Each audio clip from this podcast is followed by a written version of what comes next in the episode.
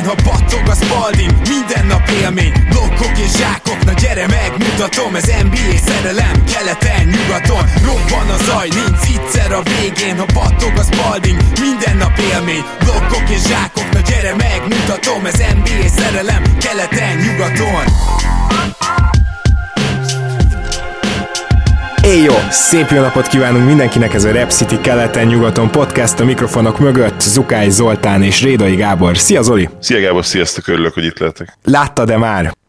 Nem, nem esett lehet, hogy mire gondolsz, de hogy nyilván most mire másra gondolnál, mint az MJ doku, dokura. Igen. Még nem néztem meg, azt hiszem két résszel érhető admincset bírták, Civognani barátunk, hogy két résszel érhető Netflixen ő már az első részt megnézte, és azt mondta, hogy rohadt jó. Az a baj, hogy én már előre kicsit ilyen, nem is szkeptikus vagyok ezzel kapcsolatban, hanem, hanem félek attól, hogy nem, nem az igazi arcát fogja megmutatni MJ-nek, pedig most egy cikk is született arról, a, azt hiszem a dokumentum készítésében részvevő egyik emberke, nem mit teszem a neve, ő mondta, hogy, hogy az igazi MJ-t látjuk majd most meg, és hogy picit félnek is tőle, de, de én kicsit szkeptikus vagyok, tehát ugye az igazi Michael Jordan azért, azért egy erősen megkérdőjelezhető figura volt, ami minden nem kosárlabda szempontból érint, és nem hiszem, hogy azért ezt vissza fogja adni, de neki elnéztük tényleg, tehát meg neki mindenki elnézte, mert az van az emberekben, hogy, hogy, ő, hogy csak így lehet nyerni, főleg, hogy az NBA-ről beszélünk, ugye kicsit ez a, ez a dog ugye amiről beszélnek, hogy mindenki ott kell lenni minden győztesbe, és csak az számít, az, az picit szerintem túl van, túl van hype azért, azért tudjuk a sportvilágában, hogy nem, nem csak faszfej módon lehet nyerni, bocsánat. Ugye egy Wayne Gretzky, egy Roger Federer, akár egy Rafael Nadal, tehát ne, nem kell gyökérnek lenned ahhoz, hogy, hogy te legyél a legnagyobb. Sőt, ugye És Chris hát... Middleton nemrég lenyilatkozta, amikor megkérdezték, hogy mitől ilyen jó a Bucks, azt mondta, hogy hát mert egy gyökér sincs csapatban. Igen, úgyhogy, de, de mondom, Michael Jordannek elnéztük, mert mert mert ő volt Michael Jordan, és ő, ő Michael Jordan, ennyi igazából. Na igen, azt hozzátenném egyébként ehhez gyorsan, hogy a, hát reméljük, hogy össze megjelenik ugye a Lézőmbi könyv, amit mi fordítunk, nyilván most a járványhelyzet miatt hát ez, ez egy picit csúszik ez a történet, ám de abban azért ennél egy kicsit, hát jó, én, én is csak az első részt láttam, szerintem ennél egy kicsit részletesebb lesz a, a dolog, de, de például Lézönbi sem megy bele olyanba, hogy állításokat fogalmazzon meg Jordanről, csak elmond bizonyos eseteket, amiből esetleg a jellemére is ö, tudsz következtetni, úgyhogy mondjuk az érdekes módon ugyanígy dokumentalista valamennyi, valamilyen szempontból, és nem feltétlenül az a klasszikus életrajzíró. Így van, a, könyv. Nyilván más, más, teljesen más platform, teljesen más eszköze az információ átadásnak, a Netflix egyébként abban zseniális tényleg, hogy egy dokumentum filmet hogyan tud úgy szétszedni gyakorlatilag részekre, hogy, hogy végig érdekes legyen, és tényleg egy, egy sztorit felépítenek, akkor is, hogyha igazából az nehéz lenne, ugye ebben az esetben egyébként ez nem így van, hiszen, hiszen az utolsó Bulls szezon MJ-nek, az, az tényleg egy külön sztori volt, és, és nagyon sok érdekes mellékzönge volt az egész évvel kapcsolatban. Ugye talán nem spoilerezünk azzal, hogyha azt mondjuk, hogy, hogy már abban sem voltak biztosak, illetve ahhoz is szerencséket, hogy egyáltalán erre az utolsó sikeres búszos évre össze tudjon jönni ez a gárda. Úgyhogy igen, a könyv az, az nyilvánvalóan teljesen más lesz, de szerintem nem kevésbé érdekes, vagy én legalábbis nagyon remélem. Igen, én is így gondolom. És mielőtt megkérdeznénk még valaki véleményét esetleg a sorozatról, azelőtt gyorsan elmondanám, hogy még még mindig el. Promókódunk a nyugaton, promókód, ezt a Repcity online oldalán tudjátok beütni, 5000 forint fölött vásároltok, és kaptok ajándékba ebben az esetben egy illatosítót, és akit szeretnék megkérdezni arról, hogy látta-e esetleg már az első vagy első két részét ennek a bizonyos Jordan dokunak, az a mai kvízmesterünk és vendégünk az Extra Pass Podcast és a Dodo Basketball Podcast házigazdája, illetve része, Gibárszki Marci. Sziasztok, srácok! Szia Marci, én is üdvözöllek! Sajnos nekem még nem volt időm megnézni a Jordan dokut, meg én amúgy is jobban szeretek sorozatokat úgy nézni, hogy egyben ledarálom az összes részt, úgyhogy könnyen lehet, hogy ez is arra a sorsra jut, hogy megvárom, hogy kijöjjön az összes, aztán ledarálom egyben, mert nem tudom, én nekem ez tényleg minden sorozatnál jobban bejön, úgyhogy erre kell készülni, meg hát másrészt, mivel fel kellett készülnem a vízmesteri pozícióra, ezért elég sok időmmel is ment azzal, hogy, hogy kiválogassam a, a megfelelő embereket, úgyhogy nem, nem feltétlenül erre volt most sajnos a, az időm. E, nem gond, én is mondom, egyrészt láttam, és még nem akarok véleményt mondani, hanem ha végigmegy, ha lemegy az egész, akkor majd szerintem beszélgetünk róla. Hát igen, quiz, mégpedig most a 2010-es évek, tehát az épp elmúlt évtized elfeledett, méltán vagy méltatlanul elfeledett sztárjai, illetve nem sztárjai, játékosai, hát ők lesznek most főszerepben, és direkt Marcit kértük meg, hogy hogy jöjjön és, és segítsen nekünk quizmesterként. Az az ötletem van, hogy majd minden játékosnál felváltva a Zolinak lesz előjoga válaszolni, vagy nekem, tehát hogyha Zoli nem tudja a választ mondjuk az egyesnél, akkor válaszolhatok én, kettesnél én nem tudom a választ, hogy, hogy ne egymás szabába vágva nyomjuk, de egyébként kíváncsian várom, hogy milyen játékosokat hoztál, és Marci, én azt mondanám, hogy nyugodtan kezdhetsz is. Ki az első, akit ki kell találnunk nekünk és a hallgatóknak? Annyi felvezetést azért még mindenképp mondanék, hogy én úgy állítottam össze a magam kis listáját, hogy lehet, hogy lesz olyan név benne, hogy mondom, kitaláljátok a nevet, és akkor úristen, hát őt nem felejtettük el, viszont magát azt, hogy ő mit tett le az asztalra a ligában, azt már viszont elfelejtjük vele kapcsolatban. Az már nincsen meg, hogy ő milyen teljesítményekre volt képes, illetve hoztam direkt egy-két olyan arcot is a, a listára, akinek, mikor ki fogjuk mondani a nevét, akkor utána így el fog gondolkozni nem egy hallgató, hogy az meg kicsoda. Tehát, hogy próbáltam azért kicsit kicsit vegyesen összerakni a listát, de remélem, hogy sokat meg fogtok oldani belőle. És akkor hoznám is az első emberemet, akiről az első információk azok azok lennének, hogy egy 1 per 3-as draftról van szó. Játszott a magyar válogatott ellen, és ő az egyetlen játékos, aki rukiként Six Man of the Year awardot kapott. Ki tippelne először? Mondjuk te. Eszembe jutott ugye de nem, ugye nem lehet Jameson, mert ő nyert hatodik ember évdíjat, de nem rookie volt, és azt hiszem 1 per 7, 8, valami ilyesmi, de valami, valamire ez emlék. Hát meg ugye a, nem is 2010-es évek. Meg nem is 10-es évek, inkább 2000-es évek, igen. Uh, hatodik ember díjat. Annyi segítséget adok, hogy ezt a címet, ezt még a 2000-es években nyerte, de a karrierje bőven átcsúszott a 2010-es évekre is, tehát hogy ott is azért masszív éveket lenyomott, és, és ezért gondoltam megfelelnek a listára, mert most 2020-ban viszont a játékos neve se jutna eszünkbe, hogyha így meg kéne nevezni egy játékost, aki jó volt a 2000-es évek vége, 2010-es évek elején. Húha, azon gondolkozok, hogy játszott a magyar válogatott ellen, nagy valószínűséggel nem... Tudom, nekem eszembe jutott jó. Na, nekem akkor mehetsz. Szerintem csak Ben Gordon lehet, és a briteknél játszott. Így van, Ben Gordon a, a találat. A következő segítség az az lett volna, hogy 40%-os karrier triplával 11 ezer pontot hozott össze, és hogy 2004-től 2015-ig játszott. Nyilván lettek volna még további fejezetek, hogy Chicagóba volt meg, stb., de, de első körbe ezek lettek volna róla az info. Na hát rögtön, azért... egy, rögtön egy olyan játékos, aki 2000-es évek kvíz műsorunkban is szerepelt, és a 2010-es évekében is. Csak, csak innen ugrott be, mert akkor egyébként fogalmam nem volt, hogy, hogy ő hol volt draftolva, és ugye a múltkori adás kapcsán és ott beugrott, hogy ó, harmadikként lett. Egyébként nem emlékeztem, hogy hatodik ember díjat nyert, de, de onnan már valószínű volt, mert arra emlékeztem, hogy a britek színeiben játszott ellen. Igen, Gordonnak ugye az az érdekes, hogy egy nagyon jó kezdeti karrier után egy elég érdekes ilyen mély repülést lenyomott, és igazából teljesen eltűnt, és ma már szerintem azt se tudnánk megmondani, hogy ő játszott a 2010-es években, nem pedig az, hogy, hogy azért ott még masszív perceket, meg meccseket nyomott. Igen, bár azért tegyük hozzá, hogy a- akkor kezdődött érződött már nála az, hogy mm, a munkamaráját megkérdőjelezték, védekezése miatt alig lehetett pályán tartani, tehát hogy, hogy, hogy a 2010-es években talán még az elején volt egy-két jobb teljesítménye, de, de aztán a, nagyon hamar a, igen, a Celtics elleni párharcra biztos, hogy emlékezünk nagyon sokan. Ó, igen. Az, az, igazából tényleg onnan van meg nekem a tízes évekből, és az ugye a legelején volt, azt hiszem a 11-es playoff volt talán, vagy lehet, hogy talán a 2010-es playoff. Jó, szerintem nézhetjük a következőt. Szerintem az egy olyan ember lesz, akit könnyen ki fogtok találni. Ő egy 1 per 17-es választott volt. Nem amerikai, de az amerikai kontinensről való. És ami ilyen segítséginfo, hogy, hogy könnyen ki tudjátok találni, a defensív second team tag volt 2014-ben, 12-ben és 14-ben all volt, és 2008-17-ig tartott a karrierje játékosként jelenleg edzőként dolgozik. Nálam volt most kicsit rossz csak a... Nem, nem, nálam is szakadozott, de ez még olyan össze tudom vágni kategória. Aha, jó, oké. Okay. Tehát kétszer is all volt, 12-ben és 14-ben. Az amerikai kontinensen született, de nem amerikai. Mi volt a harmadik info? Az, hogy All Defensive Second Team tag volt 2014 és hogy 2008-tól 17-ig tartott a karrierje. 2008-tól 17-ig első körös pick volt. Fú. Húha, pedig ezt tudnunk kéne.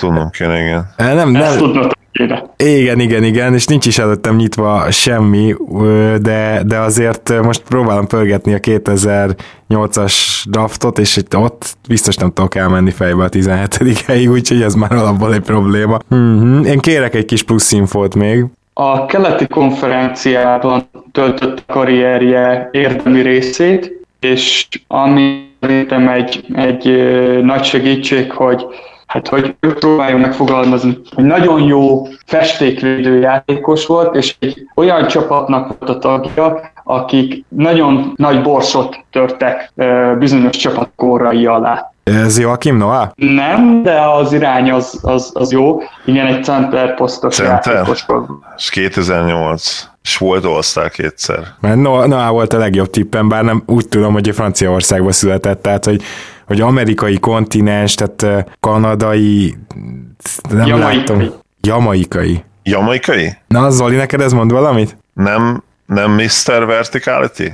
Mire gondolsz? Akkor nem tudjátok, hogy ki Mr. Verticality. Hibbert, nem? De, Roy Hibbert. Ó, oh, jamaikai. Appicsába, ezt nem tudtam, pedig még átfutott az agyamon, hogy Hibbert, de mondom, ő Amcsi. Az életben nem találtam volna ki. Hát igen, és azért Hibbert ráadásul azért is tudnunk kellett volna, mert az az Indiana, az szerintem még nagyon élénken megvan a, a, a fantáziánkban, ugyanis a hitnek az egyetlen igazi kihívója volt. A másik pedig a Mr. Verticality, nekem se esett le, mikor mondtad Zoli, de ugye Hibbert volt az, aki arról volt híres gyakorlatilag, hogy megtanította az egyzője Frank Vogel arra, hogy akár a restricted area-ben, vagyis az alatt, a, vagy, vagyis gyűrű alatt, a úgymond tiltott zónában, ahol ugye minden ütközés gyakorlatilag falt, ott is megtanította teljesen egyenesen felugrani, mert ugye állni állhatsz, maximum nem fognak befújni semmit. És, és amikor ő így egyenesen felugrott, akkor gyakorlatilag lehetetlen volt mellette eldobni, tehát egy ideig ezt a, ezt a bizonyos vertikális felugrást, ezt, ezt így rajta keresztül lehetett modellezni az egész NBA-ben. Igen, és hát ő, ő azért eléggé abuzálta is ezt a, ezt a szabályt, legyünk őszinték, és, és amint másképp kezdték el fújni, onnantól kezdve gyakorlatilag ki is kopott az NBA-ből. Igen, tehát ebben ez a legdurvább. Egyébként Hibbertnek nem volt olyan rossz keze, előfordult még az is, hogy ilyen középtávolit rádobott és bement, és nem nézett ki rosszul a dobása, de mégis annak ellenére vannak ilyen centerek, akiknek ilyen tök jól néz ki a dobása, de mégse tudja alkalmazni igazából meccsen. Hibbertel is ez volt, meg azért, amint egy kicsit belassult abba a pillanatba, nála valahogy ez az öregedés sem működik működött túl jól, maradjunk ennyiben. Igen, Hibbertnél én is úgy gondolom, hogy az tette be a kaput, hogy én szerintem neki az Indiánában sem volt kiemelkedően jó a motorja, csak ott azért olyan társai voltak, Paul George, David West, Lance Stephenson, akik, akiknek azért elég magas fordulatszámon pörgött a lábuk, és és ezzel nagyon jól el tudott lenni Hibert, hogy, hogy ő neki azért nem volt olyan nagyon extra a, gyorsasága meg a mozgása, és én úgy gondolom, hogy ő igazából nagyon jó védő volt, de ő egy statikusabb játékban volt igazából jó,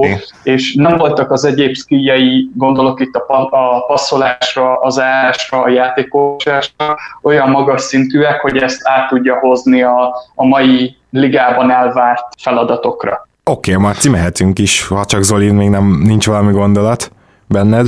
Ne, abszolút jól, jól, szerintem jól összeszedtem, Marci. Na, akkor nézzük egy olyat, aki viszont egy elfelejtett játékos, és nem feltétlenül sztárként fog eszetekbe jutni, de egy olyan ember, aki akit viszont nem fogunk elfelejteni valószínűleg soha, ettől függetlenül. Ő egy 1 per 15-ös draftolt volt 2010-ben, és 2010-től 15-ig tartott a karrierje érdemi része, még 17-ben egy évre visszajött, de ez már epizód szerep volt csak. Hm, Rögtön hm. az hm. Nekem már is lenne egy tippem, de nem akarom De mondja, úgyis te mondtad. Nem Mayo? Nem. Nem. Volt tripla-duplája, még az első szezonjában, amiben 10 blokkot rakott be, tehát 10 blokkal volt meg a triple duplája. Akkor ez nem OCMé volt. igen. És harmadik volt a Most Improved Player szavazáson 2012-ben, és ennek ellenére 2015-ben véget ért a karrier, és nem sérülés miatt. Ez úgy hangzik, mint Beedrins, csak ő egy három-négy évvel visszább volt, de be, tőle néztem volna ki egy ilyen, ilyen smi karrierívet. Szerintem itt ami a nagy segítség az, hogy blokkal volt tripla-duplája, és az, hogy 2012-ben még nagyon jól nézett ki, és 15-ben meg véget ért a karrierje, de nem sérüléssel. Nem sérüléssel? Húha. Ó, tudom! Larry Sanders, nem? Larry Sanders, így van. Bocs Zoli, hogy igen. én mondtam be, de, ja, de ez nem, nem, megjött nem, a szikra. igen, Sanders. És igen, mert hogy ugye ő gyakorlatilag azt mondta, hogy elege van a kosárlabdából, és inkább megy füvet termeszteni. Meg igen, fe, festő lett, ugye? Már igen.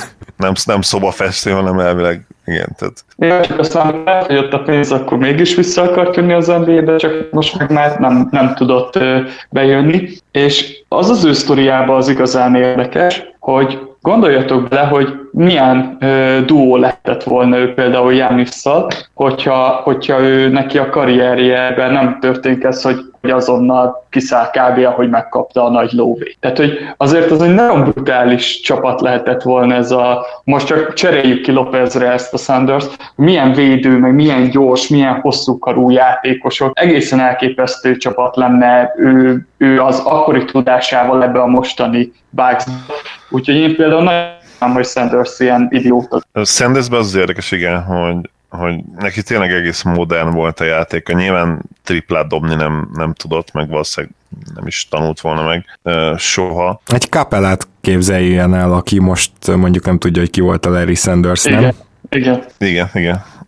Kapelának is kicsit rosszabb büntetődobó volt azért, de, de védőként, főleg ugye gyűrű, gyűrűvédőként elképesztő volt, és hát uh, még most sem olyan nagyon öreg egyébként, még ugye pár éve, azt hiszem két éve talán a warriors kapcsolatban merült fel neve, hogy hú, visszatérni, és akkor ebb, abba hihetetlen Warriors-ba, ami ugye csak gyakorlatilag center poszton volt, viszonylag gyenge, abba, abba milyen lehetett volna, de aztán végül nem tért vissza. Konkrétan 31 éves jelenleg a csávó, tehát ah, még ő...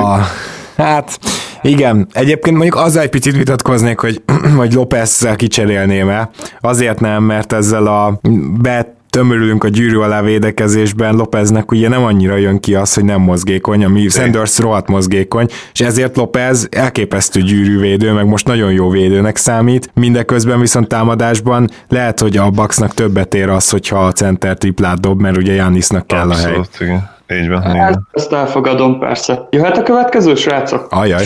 Na hát, itt viszont szerintem a név kitalálásán is gondolkodnotok kell majd, hogy volt ilyen játékos.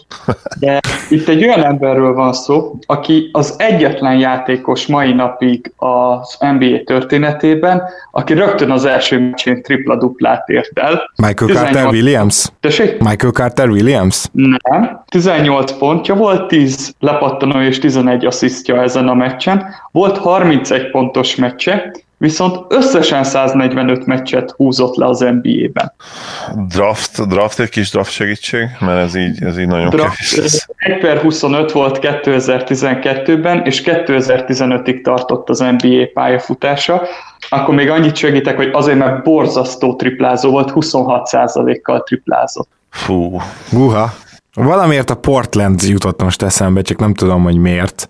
Meg valahogy csodálkozok, hogy Carter Williamsnek nem volt tripla-duplája az első meccsén. De... Nem. Hát meg ugye ő nevére emlékeznénk, plusz hát ő még ma is, most ma is, is a ligában van, úgyhogy ott már borul is a dolog. Jó helyen tapogatóztak Há, amúgy. Marci, nem, Zoli, meg tudod mondani bármelyik ötök, hogy melyik csapatban van jelenleg Michael Carter Williams? Várjál meg, meg, meg kell tudnom mondani. Én tudom, megmondhatom? Nem, akkor várjuk meg Zolit, még rájön. Uh, hát pedig lá, láttam idén is játszani. Uh, Bulls, nem a Bulls? Nem, nem. Melyik csapatban? Magic. Magicben van. és az a szörnyű benne, hogy nekem pajak meg kellett nézni, mert gondoltam rá, hogy felírom a listára, meg kellett néznem, hogy ő izé, játszik-e még bárhol is. Úristen, az a csávó. Na mindegy, de, de jó helyen tapogatott amúgy már Carter williams meg jó az időszak is. Tehát azért gondoljatok bele ebbe az évszámba, hogy 2012-2015. Tehát mi volt akkor a, a hát éppen nyilván a, igen, tudom, meg Tony Roten jut eszembe, de ő meg ugye a Memphisbe előtte már játszott, tehát ott biztos, hogy ott játszotta le az első meccsét. Nem uh, jó, figyelsz! Az első kezdő meccsét.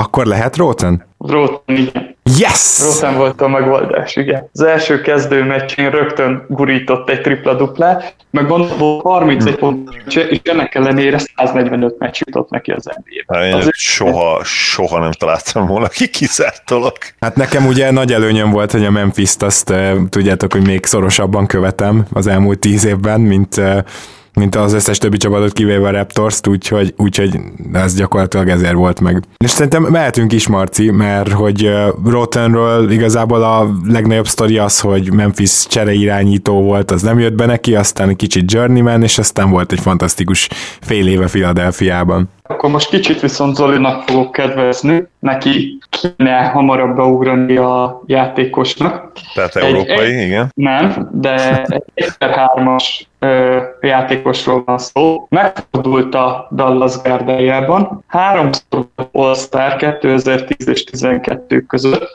Volt kétszer NBA All-Second Teamben 2008-ban, 10-ben, kétszer volt olimpiai bajnok, és 2005 17-ig tartott a karrierje érdemi része igazából. Tehát egy, ő egy Deron, olyan Deron. aki mindent megnyert. Nem lehet Deron Williams, ő többször volt all De, Deron Williams. Deron Williams? Azt hittem Deron többször Williams. volt all Nem, háromszor volt csak all 10 és 12 között. Az a nagyon durva, hogy, hogy őróla szerintem nagyon sokan elfelejtjük azt, tehát őt azért raktam föl például a listámra, hogy még négy évvel ezelőtt, öt évvel ez, hát akkor már talán nem, de, de még egy, azt mondom, hogy mit tudom, hat évvel ezelőtt biztosan mentek olyan hangok, hogy CP3 vagy ő a jobb. Tehát, ez egy hihetetlen rivalizálás, ott nem ügyeskedhetek külföldi fórumokon, őrre mentek egymásnak, igen, őrre mentek egymással.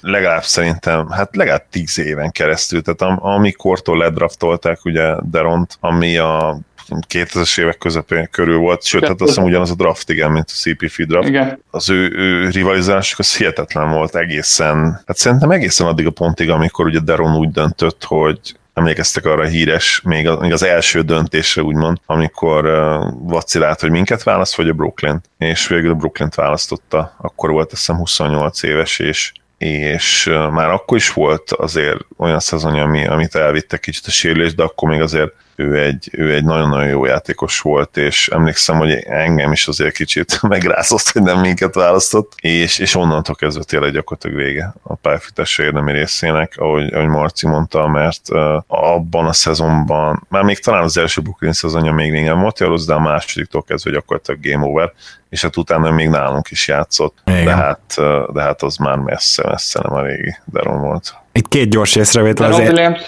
Itt, bocsánat, csak két gyors észrevétel. Az egyik az, hogy én a Chris Paul Deron ö, csatában ráadásul a De- Deron vonaton voltam, tehát én Williams tartottam jobb játékosnak az első négy-öt évben. Mondjuk igen, az az fura volt, tehát már a, a, ugye a CP3 majdnem MVP, vagy ugye sokak szerint igen. igazából MVP szezonjánál ott azért már nehéz volt. Igen, ott, ott már inkább, ott már inkább egy ilyen romantikus ellenállás volt még bennem igen, szerintem. És az ugye a 2008-as, 2007-2008-as szezon volt, igen. Igen. Szerintem ott tört el amúgy Derek Williams karrierje, amikor a Utah Jazznél ugye összeveszett nagyon Jerry Sloan-nal, és uh, Sloan ott is hagyta ugye az állást, és ott egyszerűen az a csapat is megtört, az a, az a Utah Jazz, illetve Deron Williamsnél is ott valami így nagyon elszállt, tehát az, az egy ugye nagyon híres sztori volt, hogy, hogy valamin összerúgták az akkor 40 év ott edzősködő Sloan-nal a port, és akkor így vége lett az egész dolognak, Sloan felállt a, a csapattól, és szerintem ott tört meg igazából Deron Williamsnek a karrierje, és hiába volt még utána All-Star 11-12-ben, az már nem ugyanaz a Deron Williams volt, mint előtte. Tehát onnantól már, már nem voltak egy szinten szerintem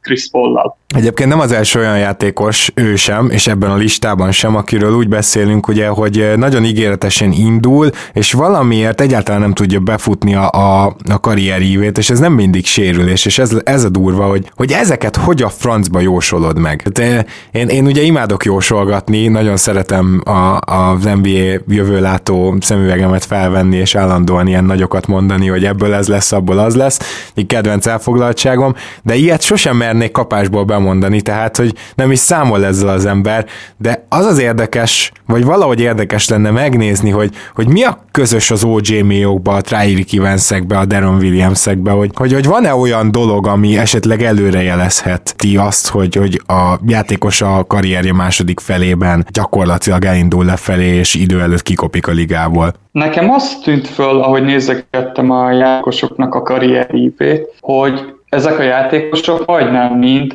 négy éven belül csapatot váltottak, vagy, vagy maximum négy, negyedik évnél csapatot váltottak. Akkor D'Angelo a... Russell az egyértelmű veszélyeztetettünk jelenleg. Igen, mert nekem, nekem az én azt gondolom, hogy, hogy ezek a játékosok egy jó stábbal, egy megfelelő környezetben elkezdtek fölépülni, és még nem futották be azt a szintet, ahol el kéne jutniuk, viszont az új csapatukban meg már azonnal szárként kezelik őket, azonnal a nyomást kapják, rajtuk múlik minden, felelősséget kell vállalni, stb. Amit korábban ugye fokozatosan épített rájuk föl a, a csapat, és szerintem itt törik meg sok játékosnak a karrierje, hogy, hogy egyszerűen összeraknak vannak ez alatt a nyomás alatt. Zoli, neked is annyira rohadtul tetszik ez az érvelés, mint nekem? Mert én nagyon megvettem most. Mindenképpen, én ugye sokszor magam is hangoztattam ezt, és nyilván van egy olyan része, hogy persze kicsit ilyen spekuláció, meg ugye ez a, belemegy itt már ilyen mentális mambo is, de egyébként abszolút egyetértek, és én magam is szeretem ezt szeretek úgymond felülni erre vonatra, mert hát mit ér, mit ér az NBA követés, hogyha nem, nem mész bele ilyen dolgokba, szerintem tök jó spekulálni, és persze sok minden nem lehet bizonyítékokkal alátámasztani, van, amire nincsen statisztika, de azok a részek legalább, hanem inkább érdekesek, mint, mint az, amire elő tudunk húzni statisztikát. Na, akkor ezzel a gondolattal menjünk is tovább a következő játékosra. A következő játékos pont nem fog meg ennek a előző gondolatmenetnek megfelelni abból a szempontból, hogy ő a karrierje közepe vége felé kezdett el inkább befutni, aztán neki a karrierje legvége az meg már nagyon ilyen veszélyfutás volt. 127 kilós monstrumról beszélünk, akit 1 per 15-tel választott annó a Boston Celtics 2004-ben, viszont a legjobb évét karrierjében 2014-ben hozta, amikor All-NBA 13 volt, és 21,8 pontot átlagolt abban az évben. Azt ami, ami azért nem, nem vicc egy, egy ekkora monstrumtól, és még talán nem is segítség, hogy az NBA-ben összesen öt csapatban fordult meg karrierje során, és mindenhol legalább három, kettő-három évet töltött, tehát hogy, hogy nem volt ilyen nagy azonnali cserélgetések áldozata. Hú, uh, Boston draftolta, hányadik helyen draftolták? Kör, közepén. 15 tolták, tehát a középmezőnyben 2004-ben. Talán még ami segítség, hogy ő volt az egyik játékos, aki ment Kevin Garnettért a, a Minnesota Timberwolves. Ó, hát jó, hát így nagyon könnyű volt, igen. De azt hiszem most nem jövök? Hát, de, nem, ilyen igazad van, most én jövök. Nekem és... így már megvan. Oké, okay, nekem is szerintem meg lesz. Uh, mm, Spekovics? Nem. Ja nem, mert a Bostonban volt, és ráadásul All-NBA third team. Igen, igen. Ja, Istenem. És, és akkor már volt, hogy 32 éves, igaz? És ez 2004-ben? Nem, elég fiatal Ja, ez El Jefferson? Így van. Oké, oké, oké, jó, jó, jó, már leesett, most már egy ütöm a fejem, de a lényeg az, hogy megvan. Őben ez az érdekes, hogy soha nem jutna eszedbe róla, hogyha most megkérdeznek, hogy El Jefferson milyen játékos volt, hogy ő 23 pontot átlagolt volt olyan szezonja, 11 lepattanóval, meg volt 22 pontos átlagos szezonja, amikor az All-NBA Teambe bekerült. Tehát volt olyan szezonja 2014-ben, hogy mondhatjuk azt, hogy az NBA 25 legjobb játékosa között kellett, hogy legyen. Még hogyha az All-NBA csapatokba posztok szerint kerül be valaki, akkor is a legjobb tíz magas ember között ott kellett, hogy nagyon-nagyon durva, hogy, hogy ő milyen teljesítményt lerakott, és szerintem senkinek nem jutna ez eszébe róla. Igen, és az ACS sérülése előtt nem is volt talán annyira pocsék védő, ugye róla, hát főleg utána, ugye az ACS sérülés után, hát azért elég, elég durván elterjedt, és valószínűleg teljes joggal, hogy, hogy az egyik legrosszabb védő ligában. Az igazság, hogy, hogy El Jeff-ben sokkal több volt, tehát hogyha nincs az ACS sérülés, akkor, akkor azért le, lehetett volna még szerintem All-Star.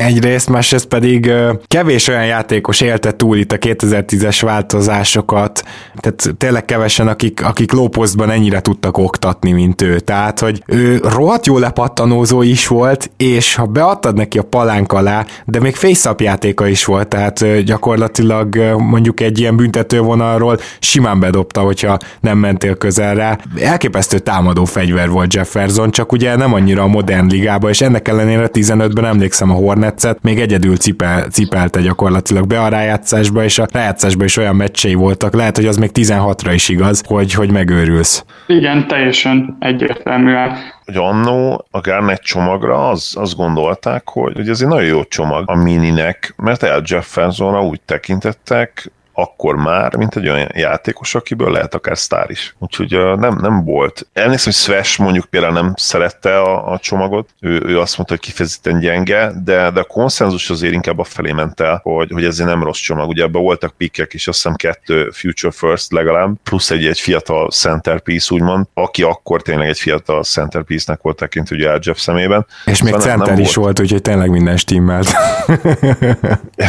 Igen. Ez, ez kész, megöltem a beszélgetést ezzel a poénnal elnézést. De igazából nem, pont elmondta, elmondtam, jó. amit akartam volna, úgyhogy... Jó, jó, hát akkor Marci, mehetünk tovább. Jöjjön egy olyan fiatal, hát most már nem az, de akkor az volt, akinek öt éves volt mindössze a karrierje, amiben pedig az az érdekes, hogy Óruki First Team tag volt, ami, ami szerintem óriási szó. Főleg, Nekem már meg... szerintem megvan. Na, már megvan? Szerintem, de most Zoli az első lehetőség, úgyhogy megkérdezem. Melyik évben volt All Rookie First? 2010-ben. Szinte Tyreek biztos. Evans. Nem. Nem? Oké. Okay. Mondhatok én segítséget? Várjál, mond, annyi segítséget adok, hogy ilyen társai voltak az All First Teamben, hogy Cousins, Blake Griffin, Gary Neal, John Wall. A második csapat tagjai pedig ezek voltak, hogy Bledsoe, Favors, Paul George, Wesley Johnson, róla külön megérné megemlékezni, illetve Greg Monroe. Tehát, hogy ilyen embereket szorított ki. Uh, milyen poszton játszott? Hát ő egy guard volt lényegében, egy wing, wing guard. Ó, oh, na akkor tök jó, mert akkor mégse tudom, mert Jenningsre gondoltam. Én és is Jenningsre gondoltam. akkor viszont nem. ő nem lehetett. Nem, neki mindössze mondom, öt éves karrierje volt ennek a játékosnak, és kb. az első szezonja után azonnal ilyen másodvonalas játékossá vedlett vissza tehát kezdett 31 perccel, utána még volt 28, és aztán 20-10-8. Tehát így elég gyorsan meghalt a karrierje. Mm. És akkor nem Mayo és nem Tyreek Evans. Nem, egyik se. Pedig, pedig ugye Tyreekkel az évet is eltaláltam egyből, de, de akkor nem. nem ő. És ilyen alacsony wing.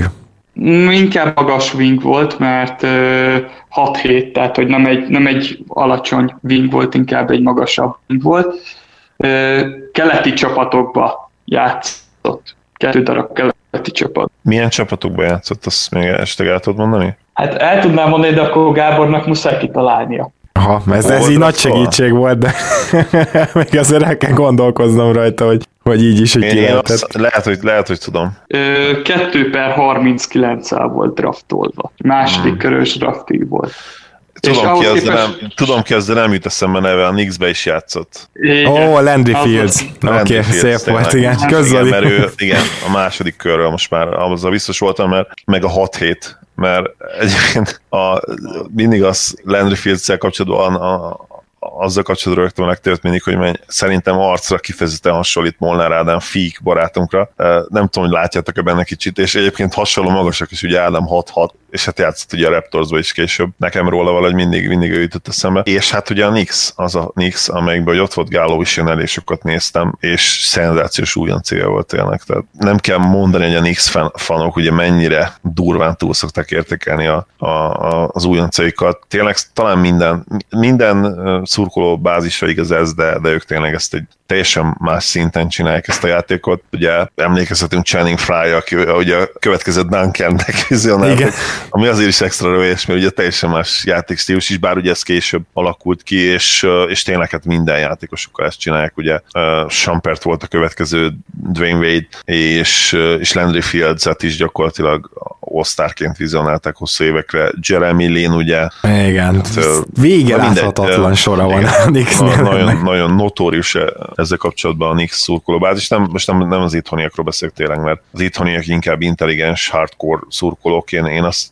tapasztaltam, tehát nyilván egy olyan csapatnak szurkolnak, amelyik nagyon régóta elég sikertelen, tök jó öniróniájuk van, tényleg imádok az itthoni Knicks fanokkal véleményt cserélni, de kint azért ez teljesen más a szituáció. A Real gym például érdemes, érdemes benézni a fórumokra, nagyon durva dolgokat fogtok találni. Igen, illetve talán annyit még fields kapcsolatban, hogy már-már igazságtalan az, ahogy, ahogy elhitette velünk, hogy milyen jó, mert az első, sőt első két évében gyakorlatilag azt láthattad, hogy ez a csávó nem is nagyon sokat, de tud triplát dobni, tehát az, az volt a reális tőle, hogy mondjuk 4-5 triplát 36-7 százalékkal bedob. Ezt, ezt mindenki, aki látta őt, így gondolta. Ehhez képest gyakorlatilag egy korrekt triplázóból teljesen fakezű lett, és a Raptors pszichológusai foglalkoztak vele, emlékszem, hogy, hogy ez biztos fejben van. A másik pedig rohadt jó védőnek indult, az, az nagyjából ki is tartott a végéig, de, de aztán támadásban gyakorlatilag semmit nem tudott hozzátenni, mint hogyha mindent elfelejtett volna, pedig még passzolni is láttad korábban, tudott labdát vezetni, nem azt mondom, hogy nem tudom én, egy crossoverrel betört meg ilyenek, de, de tudod, az a kiegészítő szerep abból az egyik legjobb prospektnek tűnt, úgyhogy, úgyhogy ez szinte már-már igazságtalan volt. Na de repüljünk tovább, Marci amúgy, amikor a ligába került. Én nekem az első éve az olyan volt, hogy fú, ez, mondom, ez a csávó még lesz valami. És azért is érdekes ez, hogy mondott, hogy a triplázása hogy szétesett, mert hogy ő egyetemen kifejezetten ez az átlagos, ez a 36%-os triplázó volt. Tehát, hogy egyszerűen nem tudom, hogy hogy tudta azt megcsinálni, hogy első évben 40%-kal triplázik, utána 26-tal, aztán 14-jel, majd nullával. Tehát, hogy egyszerűen szétesett a csávó teljesen. Igen, majd sok ilyen sztorit hallunk. Még, még annyit tényleg, hogy uh, Fields is valószínűleg Uh, hát áldozata lehetett annak, hogy, hogy egy öreg ruki volt, és, uh, és az ilyen típusú játékosoknál egy, egy gyors kezdés azért nem feltétlenül jelenti mindig azt, hogy, hogy onnantól kezdve uh, benne lesz, benne lesz a graduális évenkénti fejlődés. Kuzma. Igen. Jó.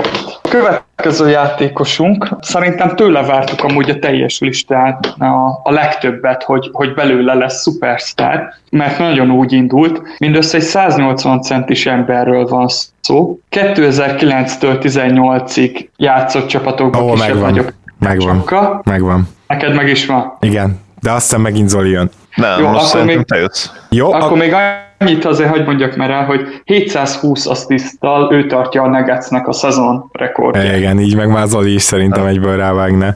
Igen, igen. Alkohol problémák? Igen. Igen, és a Washingtonban volt még a, a pályafutása végén, azt hiszem. Igen, igen. Ty Lawson természetesen. Na Gábor, Na, még Zoli... annyi, van, van egy hihetetlen zsákolással, nézzétek meg, Ty Lawson Dunk, szerintem beírjátok YouTube-ra. Uh, most én be is írom, mert nagyon régóta nem láttam. Igen, a, a Lakers ellen egészen hihetetlen. Szegény DJ Benga, ugye a belga válogatott feketeöves, karat, nem karatés, hanem cságáncsos Bengán gázold át, meg, meg Josh, Josh Powell, úgyhogy érdemes megnézni ezt a, azt a zsákolást. Hát Ty egyébként egy hihetetlen szomorú sztori. Ez tényleg azért szomorú sztori, mert mintha a 80-as években lennénk, ahol hihetetlen tehetségek drog meg alkohol miatt gyakorlatilag kikoptak az NBA-ből, csak akkor még sajnos meg is haltak néhányan. Idáig nem jutott el uh, Ty Lawson, de, de döbbenetes, hogy még az is döbbenetes, hogy ő már aktív alkoholistaként is milyen statisztikákat tudott letenni az asztalra asztalra, meg mennyire jó irányító volt. Tehát csak elképzelni azt, hogy nem iszik. Elképesztő. Igen, azt hiszem ő tartja a rekordot a mai napig, talán 10, 10 bedobott triplevel, úgyhogy nem volt kihagyott, egy kihagyott dobás, vagy azt hiszem, hogy vagy 10 zsinórba a rekord, azt ő tartja, és azt hiszem utána, igen, utána ráment még egyet a 11-et, és így nem, így nem hozta le ezt a tökéletes estét, így azt hiszem 10-11, 10 per 11 zárt, de a rekord így is jövé zsinórban bedobott triplák, és az 10. Az nem M- meg, de most a adás alatt még ellenőrizni fogom. Igen, az NBA egyik leggyorsabb játékosa volt, ha nem a leggyorsabb, ö, látott a pályán, jól passzol, tudott betörni, tudott triplázni, ö, gyakorlatilag azon kívül, hogy nem volt 195 centi, azon kívül tökéletes irányító lehetett volna. Igen, teljes mértékben adom a, a dolgot. Én nagyon sajnálom Ty Lawson-t, mert nekem ő egy nagyon-nagyon szimpatikus játékos volt, és egyszerűen nem is értem, hogy hogy tudott így szétesni a, a karrierje. Nagyon hiányzik szerintem ő a ligából, úgyhogy nem, nagy, nagyon bízom benne, hogy a jövőben nem fogunk ilyen karrieréveket látni, mint az övé, mert nagyon nem így indult a, a játékos, úgyhogy ö, bízunk benne, hogy tényleg ilyen jellegű dolgokat nem kell nagyon mostanában átélni egy játékossal kapcsolatban se.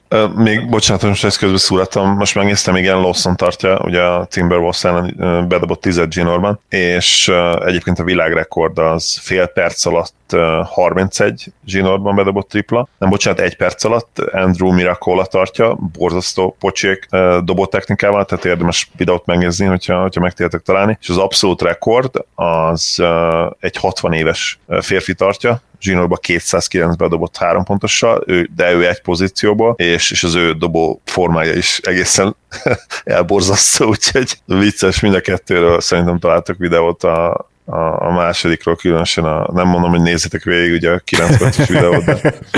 Na igen. igen. Ja, de a következő, Marci. Következő játékosról azt kell tudni, hogy hasonlóan Hiberthez ő is e, amerikai kontinensről való, de nem amerikai. E, ami még fontos vele kapcsolatban, hogy mindösszesen hat évet tartott a karrierje, pedig nagyon jól indult az egész pályafutása, főleg a, a 2011-13-ig tartó időszaka, amikor például 2013-ban volt tripla-duplája 21 pont, 12 assziszt, 11 lepattanóval, illetve második helyen végzett a NBA Most Improved Player szavazáson, tehát a legtöbbet fejlődött játékos szavazáson 13-ba, és ennek ellenére 13-tól kezdve teljesen földbe állt a karrierje, és onnantól igazából csak lefelé volt neki szinte a lejtőn. Játszott még egy-két jobb szezont 13 és 15 között, de, de igazából teljesen megrekedt, pedig azt vártuk tőle, hogy ő egy ö, olyasmi játékos lehet, mint Fred Van Fleet, tehát, hogy, hogy ah, ilyen igazi jó e, És játszott is a Raptorsba, igaz? Igen, játszott. Jó, akkor ez Jerevis Vázquez. Igen. Vaskész kapitány. Ó, hát Miért én... te Vázquez? Micsoda? Miért tűnt el Vázquez nekem? Azt magyaráz meg neki, iszonyatosan csíptem a csávót. Azt tudom, hogy például Törős Vaska utálja Vázquez, meg így izé, valamilyen nagyon-nagyon nem csípi. Én nagyon-nagyon csíptem a csávót, és nem értem egy, egyszerűen, hogy tudott így földbe állni. Zoli, Zolinak is szívesen átadnám a szót, mert tudom, hogy ő is nagyon-nagyon csípte. Én, én nagyon szeretem Vazquez-t. Megmondom őszintén, hogy, hogy egy időben abban is reménykedtem, hogy, hogy meg tudjuk őt szerezni. Oh. És fő, én főleg egyébként nem is feltétlenül a Raptorsban nyilván, hanem hanem ugye ő a, a Hornetsben volt szerintem azon a szinten, ami, ami valószínűleg az ő legjobbja volt, így most már így retrospektíve. És de ennek ellenére, tehát végig hasznos volt, és azt sem mondhatod, hogy a Raptorsban nem játszott jól.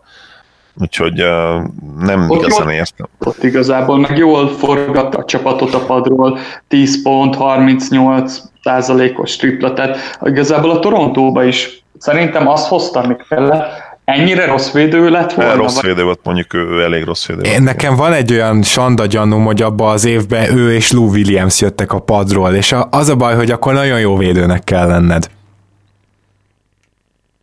Nem, nem vagyok benne biztos, de úgy emlékszem. Lance Stevenson lett volna, ki, ki nagyon hasonló. Majd, majdnem minden igaz volt szerintem rá is, ami, abból, amit elmondtál. Annyi, hogy ugye ő még most is a, a ligában játszik, tehát próbálkozott még. Úgyhogy uh, érdekes ez is, hogy elég hasonló játékosok.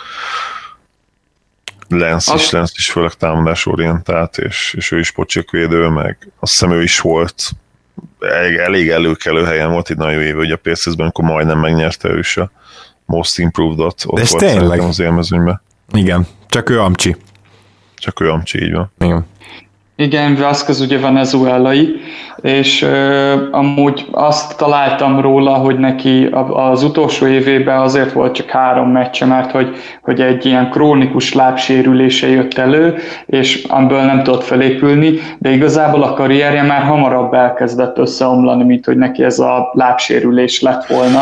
Igen, tehát, egyértelmű. Tehát ez a, ez a furcsa benne, miközben képességei alapján ha nem is igazából másra egy ilyen irányító passzkórernek szerintem lehetett volna őt használni, meg akár lehetne még a mai ligába is, tehát hogy ő annyira még mai napig sem öreg, hogy, hogy ne játszhatna a 33 éves, de mit tudom, 2018-ban még odafért volna a padra, hogyha odafér a padra egy Michael Carter Williams. Hát valószínűleg azért az egészséget, tehát az, hogy Szerintem most már ő visszavonult legalább egy, nem is tudom, egy két éve. Egy éve volt vissza, azóta értődik. 19-re vonult vissza hivatalosan. Mehetünk, Zoli? Mehetünk, ha? Oké, rendben. Van még egy időnk egy, egy-két emberre, amúgy? Tőle? Van, mert gyorsan. Ne, ne Zolit kérdezem, Zolit. Uh, van, van, van, mehetünk még egy-két ember, abszolút. Jó, jó, oké, szuper, akkor mehetsz, Marci. Na, a következő játékos, akit hoztam nektek, ő egy egész csoportot képvisel. 2006-tól 17-ig tartott a karrierje. 2 per 32-es választott volt 2006-ban, de a karrierje érdemi része az a 2010-es években datálódik, ekkor hozta a legjobb számait. Például volt olyan éve, hogy 47%-kal triplázott 5,2 kísérlettel, ami azért nem semmi szerintem egy játékostól se. Van esetleg tippetek? Annyit hozzáteszek, hogy egy perememberre kell gondolni, tehát hogy nem volt sose kezdő, meg ilyenek. Mm. Ja, nem, nem, nincs. Aki lett volna, az egyértelműen volt kezdő státuszban több évig is. Igen, igen, én is gondoltam valakire, aki viszont egyértelműen volt kezdő. 467 meccséből 6-szor volt kezdő, tehát hogy ezzel nem vádolnám meg, hogy, Igen. hogy ő olyan sokat volt, de, de viszont tényleg sokat játszott, sokat volt az NBA-be, ö, extra jókezű játékos volt, tehát hogy 11 mm, évig azért nem marad valaki a ligába, hogyha ha nem, csúcs valamiben. Hmm. Kis extra segítség? Jaj, extra, extra segítség. A New Yorkból kell, hogy beugorjon a neve nektek. Um, ó, a Steve Novák? Így van, Steve az, az, jó van, oké, oké. A New Yorknál már így leesett, már nyelven volt, aztán ki is mondtam. Aki egy egész kategóriát képvisel, mert több olyan játékost is találtam, aki ennek a listának megfelelő lenne. Ez a magas, jókezű, fehér játékos, aki megkapta a nagy lóvét 2014-ben, és aztán így földbe állt. Ez Novák, Teletovics, Ryan Anderson, és igazából az egész kategória úgy eltűnt hirtelen, tehát hogy, hogy föl tudnék sorolni most így, ha nagyon akarnék, 8-9 ilyen játékos, Chase Badinger például, és egyszer eltűnt ez az egész kategória a mai NBA-ből. Jerepko is szerintem akkor kapott pénzt, nem vagyok benne biztos, de tényleg végtelen ez a kategória. Tehát, hogy, hogy egy csomó ilyen játékos volt, aki, aki ekkor ö, kapott lóvét, azt még Bányán is ekkor kapott lóvét, tehát hogy, hogy ö, egyszerűen eltűnt maga ez a kategória. Tehát most nem tudnék szerintem három ilyen játékos mondani, aki ennyire csak a triplázásból élt volna fehér magas emberként. Igen, Bertans talán, aki a jelenlegi NBA-ben van. Igen. De ő tényleg annyira jó dobó lett idénre, hogy meg hát Bertansnak van egy brutális wingspanje, tehát nem jó védő, oké, okay, de, de azért csak ha föl, fölemeli a kezét, és meglóbálja, ez most kicsit furánzott. szóval még mindig a kezéről beszélsz, igen? a kezéről beszélünk, igen. Akkor azért legalább annak van egy eredménye. Ugye Ryan Andersonnál ezt se, ezt se tudjuk megemlíteni szegénynél, meg ugye a Teletovics másik sztoria, ő szegény, ugye meg a Bosch féle vérrögös történet miatt. Igen hagyta abba gyakorlatilag azt hiszem a sportot is most már nem játszik sehol, nem csak az NBA-ben. Így a sovát meg nem lehet 45 évesen sem fogjuk tudni az NBA-ből ki evrudalni, nem mintha akarnám, hogy óriási kedvencem meg minden, de ő, ő azért így konstans képviseli még ezt a kategóriát, bár azért tegyük hozzá, Szerintem hogy... szóval ennél többet? Igen, igen, igen, hogy ő ennél többet tud, és a mai napig nem rossz védő, annak ellenére, hogy már kicsit úgy mozog, mint hogyha ilyen malterba ragadt volna a lába. Igen, meg hát annak ellenére, hogy valószínűleg idősebb annál, mint a hivatalos korom. Igen, igen. Szeretnétek 45 évesen így mozog. Ugye? igen, igen. Lehet, hogy tényleg annyi hogy már most. Én szeretnék most is. Na mindegy. Szóval, de maga az érdekes, hogy ez az egész kategória egy kicsit úgy, úgy eltűnőben van az NBA-ből. Tényleg Bertánsz mondott, de szerintem Bertánsz atletikusabb, egy kicsit agresszívabb. Ezek a játékosok tényleg csak kínáltak a sarokba, kapták, dobták. Szerintem ma már ez kevés az NBA-ben. Meg volt egy ilyen magas ember az Atlantának. Perics, vagy hogy hívták? Tudjátok, az a cseremagas, aki Horfordnak... Az igen, az Anti, aki semmi más nem csinált, egy hatalmas darab ember, és állt a, de még csak nem is ment le a sarokba, mindig a tripla tetejénél állt, és hogyha elehúzottak róla, akkor megkapta és rádobta a triplát. Ha vigasztal a tudat, akkor ő ugyanezt csinálja a ligába. Tehát, hogy most már eljutott addig, hogy fölkocog, megkapja a labdát a tripla tetején, ráveri, bedobja általában, és visszakocog. Anticsot szerettem, legalább úgy nézett ki, mint aki kemény, meg aki tud védekezni még ha egyébként nem is feltétlenül volt. Hát az NBA-ben nyilván nem. Egyébként ő, ő azért Európában azért elég, elég jó játékos volt, tehát szerintem a védő oldalon is. Palánk alatt tudod brusztolni, meg ott Igen. kemény volt, tehát hogy nyilván ha leütötted a labdát, akkor megverted, tehát Igen. hogy az nem volt kérdés, de... Az de a szabályok se kedveztek neki ebből a szempontból, persze, ugye a, a védő három másodperc, stb. stb. azért, azért más. Ebből a szempontból is neki tényleg jobban feküdt az európai játék, plusz, plusz még a, én azt mondom, hogy a tripla távolság is, mert most, mint hogyha már még jobban közelített volna ugye a FIBA, de ezt jobban fogod tudni, Marci, hogy talán azt hiszem most javaslatban is vették, hogy legyen Európában is a FIBA tripla, ott, ahol az NBA tripla, vagy legalábbis még tovább közelítették az elmúlt pár évben. De szerintem amikor Antics még az NBA-ben volt, akkor elég nagy különbség volt még akkor a, a triplek között, és neki pont az a plusz egy fél lépés is, ami, ami azt eredményezte, hogy Európában ő, ő jobb dobó is volt, mint az NBA-ben. Mert ez a 31% nem rossz azért egy, egy magastól, de, de Európában azért még, még közelebb, még jobb volt. Most megnézem direkt, hogy, hogy remélem igazolni fogják ezt. És, Tehát a Marci igen, fejből is bemondja neked.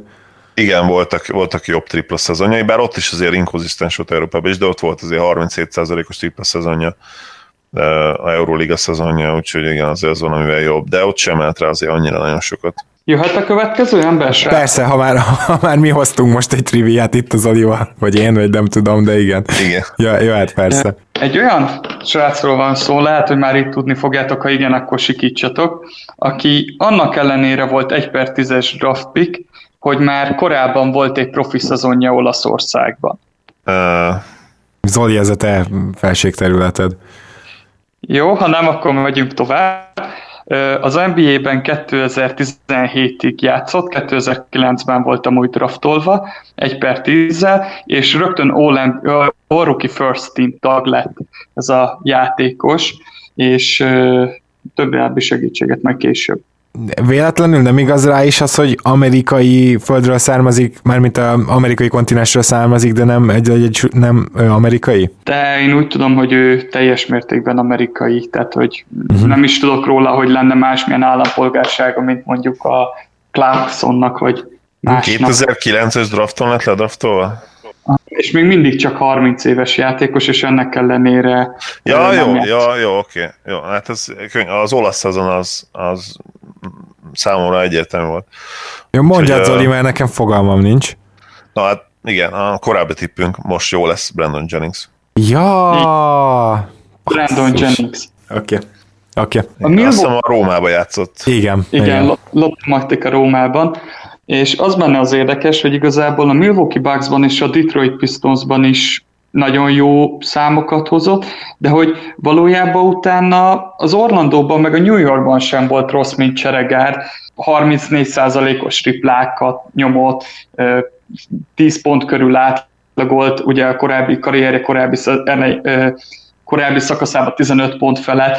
Tehát például a Milwaukee Bucksban ő tök sztárnak nézett ki, amikor 19 pontot hozott, és ennek ellenére neki is szerintem a nevét is kezdjük lassan elfelejteni, hogy, hogy megfordult az NBA-be.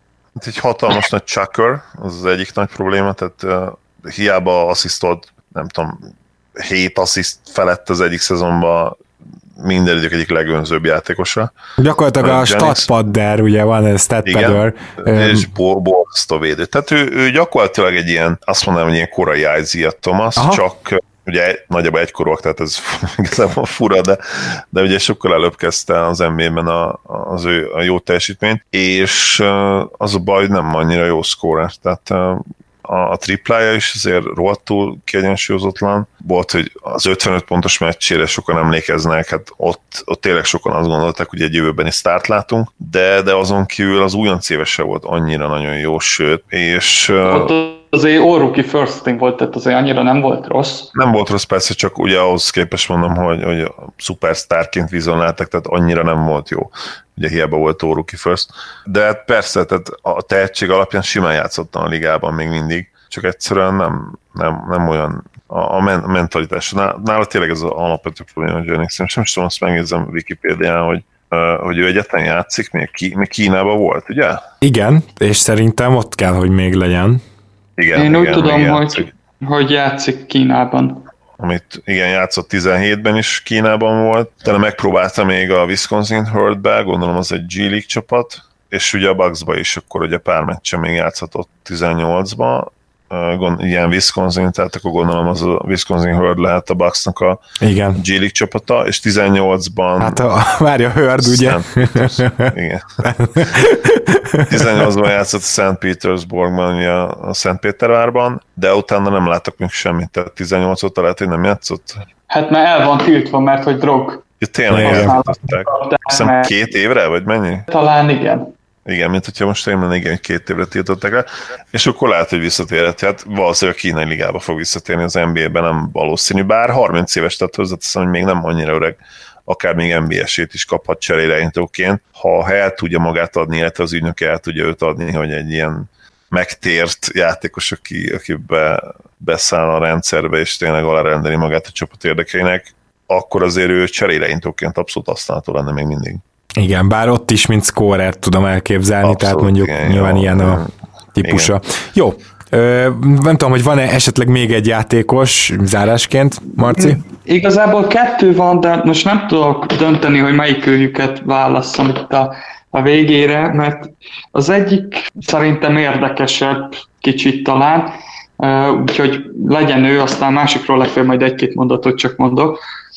Róla azt kell tudni, hogy 2007-ben draftolták 1 per 27-tel, viszont a karrierje legjobb időszak az 2012 és 2014 között volt keleti konferenciában, amikor viszont brutális jó játékosnak nézett ki, 18 pontot átlagolt, 3,4 lepattanóval, 3,7 gólpasszal, volt benne egy 42%-os tripla szezon, és, és ott nagyon jó két éve volt, aztán elcserélték, és onnantól megint szétesett a csávó, elkezdett folyamatosan lefelé épülni, és 2017-8-ra már igazából nem is volt a, az NBA, NBA szintjére való játékos, úgyhogy neki a közep, karrierje közepe az, az kifejezetten jó volt. Mikor draftolták? 2007-ben. A Detroit draftolta amúgy. És nem lehet, hogy egyébként az Indiánába átkerült? Nem, nem játszott soha az Indiánába. A, a csúcs meccseit azt egy nyugati, meg egy keleti csapatban hozta, ez három-hat évet jelent igazából a karrierjéből, ami nagyon kiemelkedett. Uh, nem, nem lehet Steve Blake, ugye? Sokkal korábbi draft. Igen, meg az... itt, itt egy jó, jó szkórer, egy ugártra gondoljatok.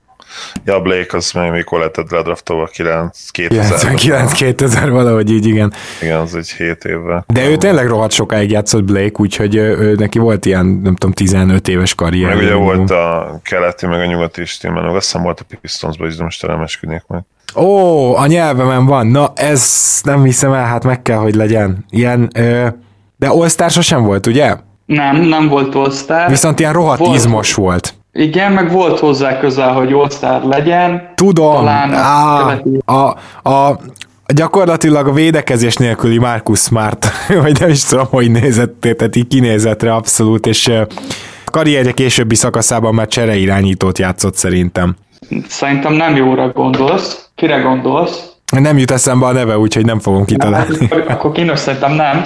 Nem, nem arra gondolsz szerintem, akire én. Te Rodney Stakira gondolsz. Igen, én Rodney Stakira gondolok. Nem? Mi, milyen De... csapatokba játszott? Az már túl, túl, Dit- túl Detroitot ugye már bemondtuk. Igen, ott kezdett. Hát az a baj, hogy aha, hogy is mondjam.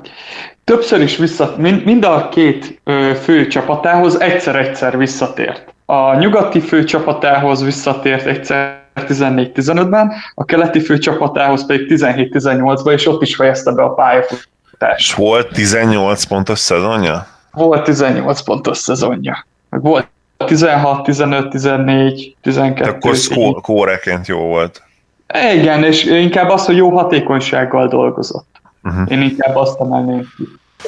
De akkor az a hogy túl sokat segítek, mert elég hasonló ívet futott le ugyanazokkal a csapatokkal is. Csapatot? Meg esetleg a nyugati csapatot bemondod, az too much?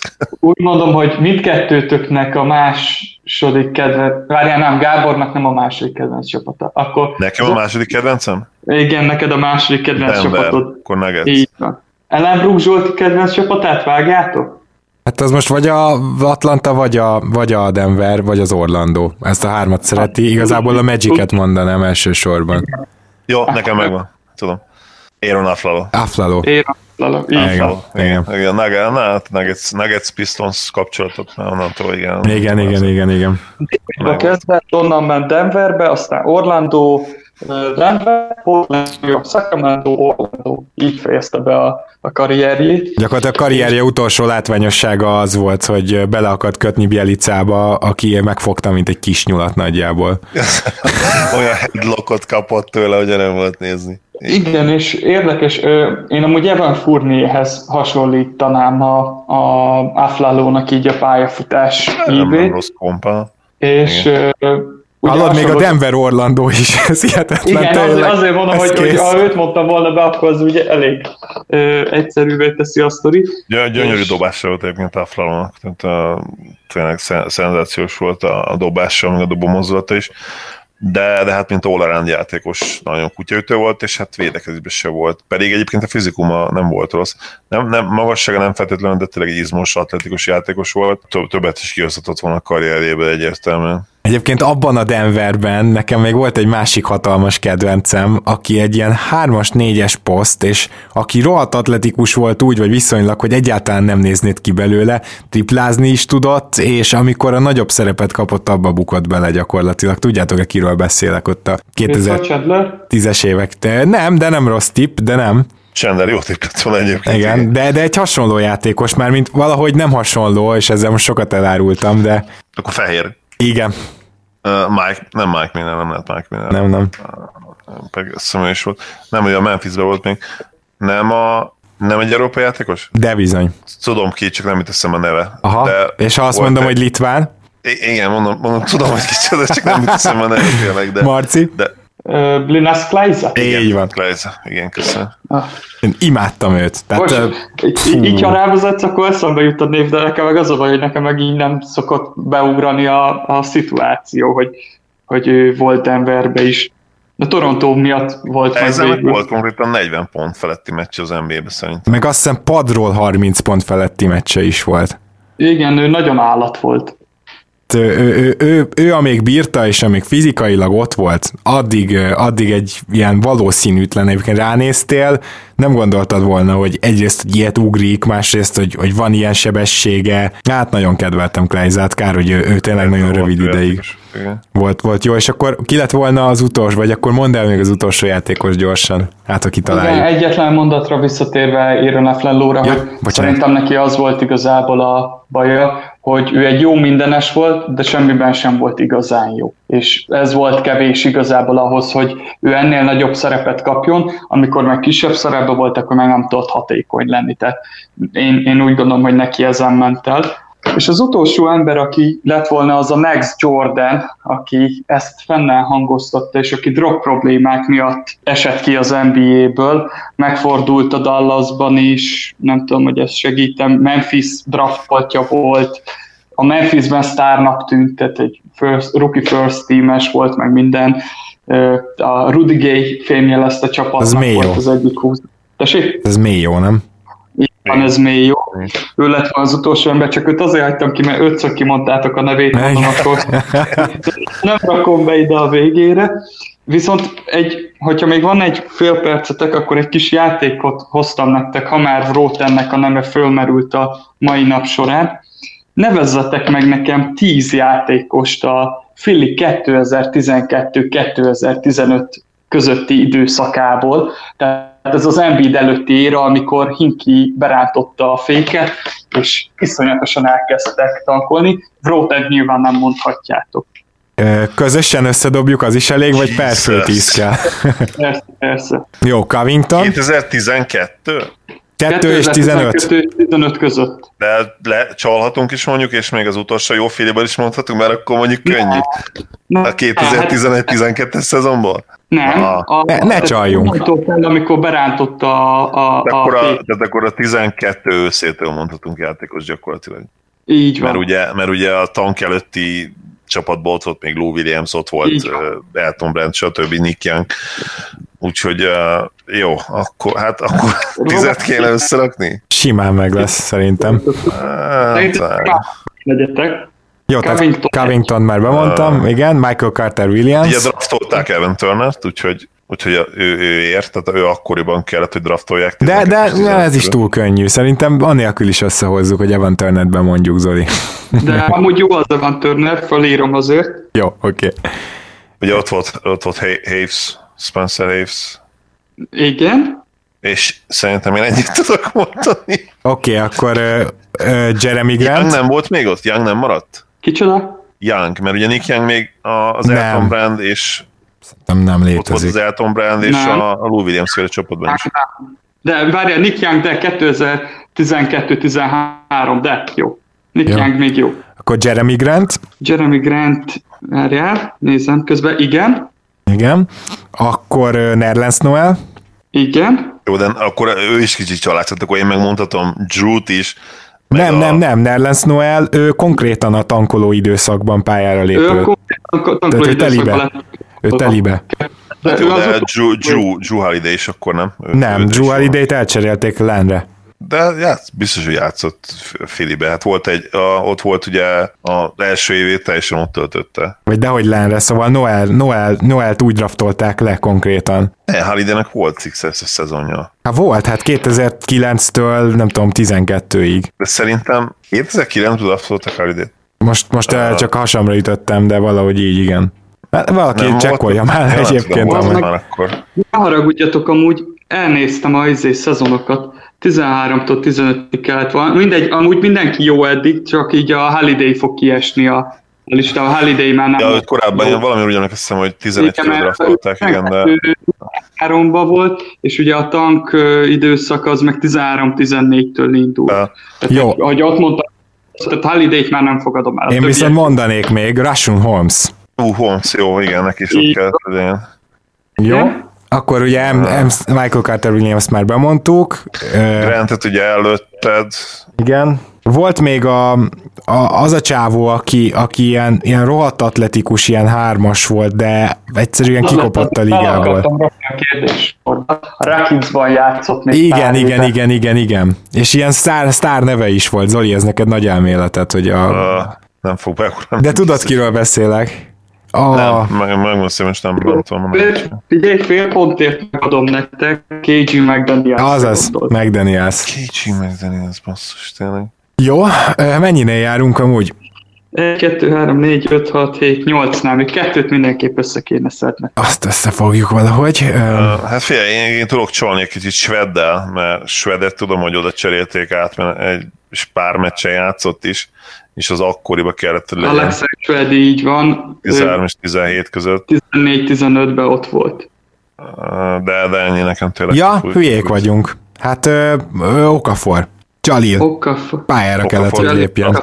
Igen, igen. igen. Ő már ki fog esni a, a túlsó végén a szórásnak, tehát ő már a 10-72-es szezonban volt, és őt, őt azért nem, ő már te, te, Ted Young több... mikor volt ott? Ted Young mikor ott Filiben? Te, Ted Young ő 2013-4-ben ott no. volt. Ja, akkor ő még, ő még ér, igen. Hánynál vagyunk?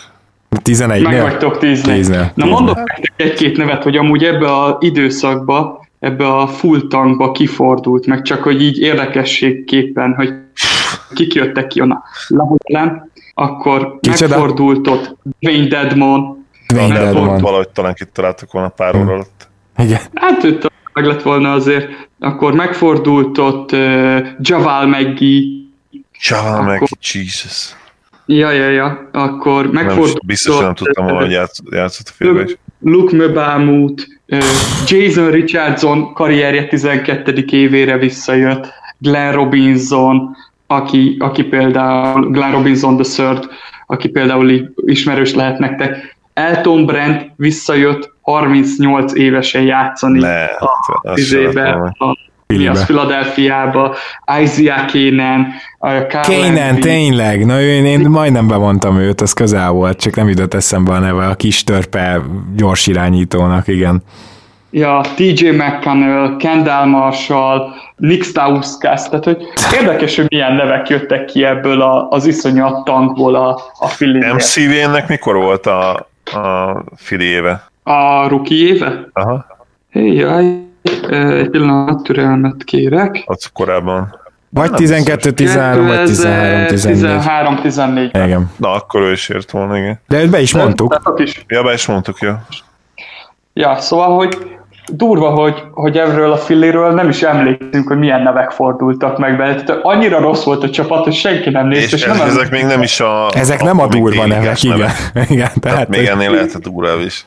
Persze, persze, csak most nyilván azokat az embereket soroltam föl, akiket ismerhetnek a hallgatók is, tehát hogy aki, aki így fölkapod a fejt, hogy úristen, abban a tank időszakban megfordult abba a csapatba XY játékos, tehát hogy érdekes, hogy mennyire rosszak bírtak lenni, úgyhogy viszonylag ha ezt a keretet most összeraknánk, akkor, vagy a legjobb játékosokat ezekből a keretekből, akkor azt mondom, hogy ez egy keleti playoff csapat. Tehát hogy így nem egy, nem egy rossz kárra feltétlenül, vagy, vagy legalábbis alsó hangon egy playoff csapat. Hát ha a Washington még versenyben volt úgymond technikailag a playoff ér, akkor igen, akkor, akkor ezt elmondhatjuk.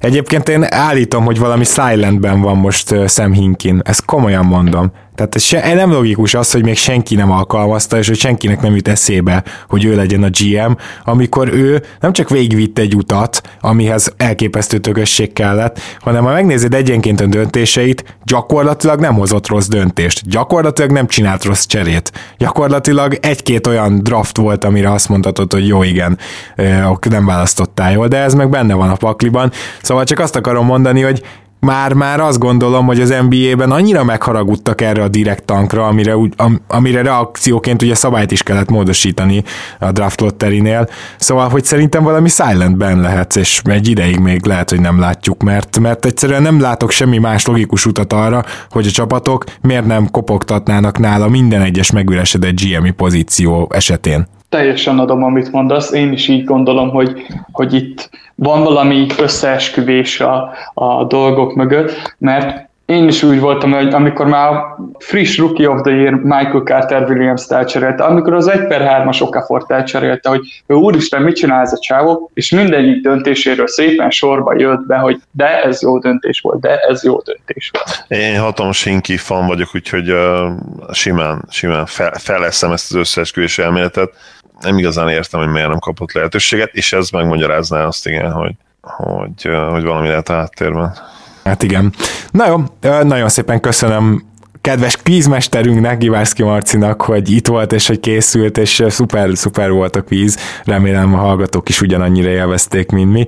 Marci, köszi szépen a, a beugrást. Srácok, én köszönöm a lehetőséget, nagyon király volt. Ha bármikor ilyen ötletetek van, tudjátok, hogy nem számíthattok, és kitartást kívánok mindenkinek otthon a karanténban, maradjatok otthon, vigyázzatok magatokra, és a legjobbakat kívánom mindenkinek. Sziasztok! Én is köszönjük, hogy itt voltam, Marci. Szia, szia! Zoli, mi pedig úgy köszönünk el, hogy majd csütörtök péntek táján jövünk megint egy podcasttel. Így van, örülök, hogy itt lettem. Szia Gábor, sziasztok! Kedves hallgatók, nektek pedig köszönjük szépen a figyelmet, és azt is, hogyha támogattok minket Patreonon, pénteken jelentkezünk, addig is minden jót vigyázzatok magatokra. Sziasztok!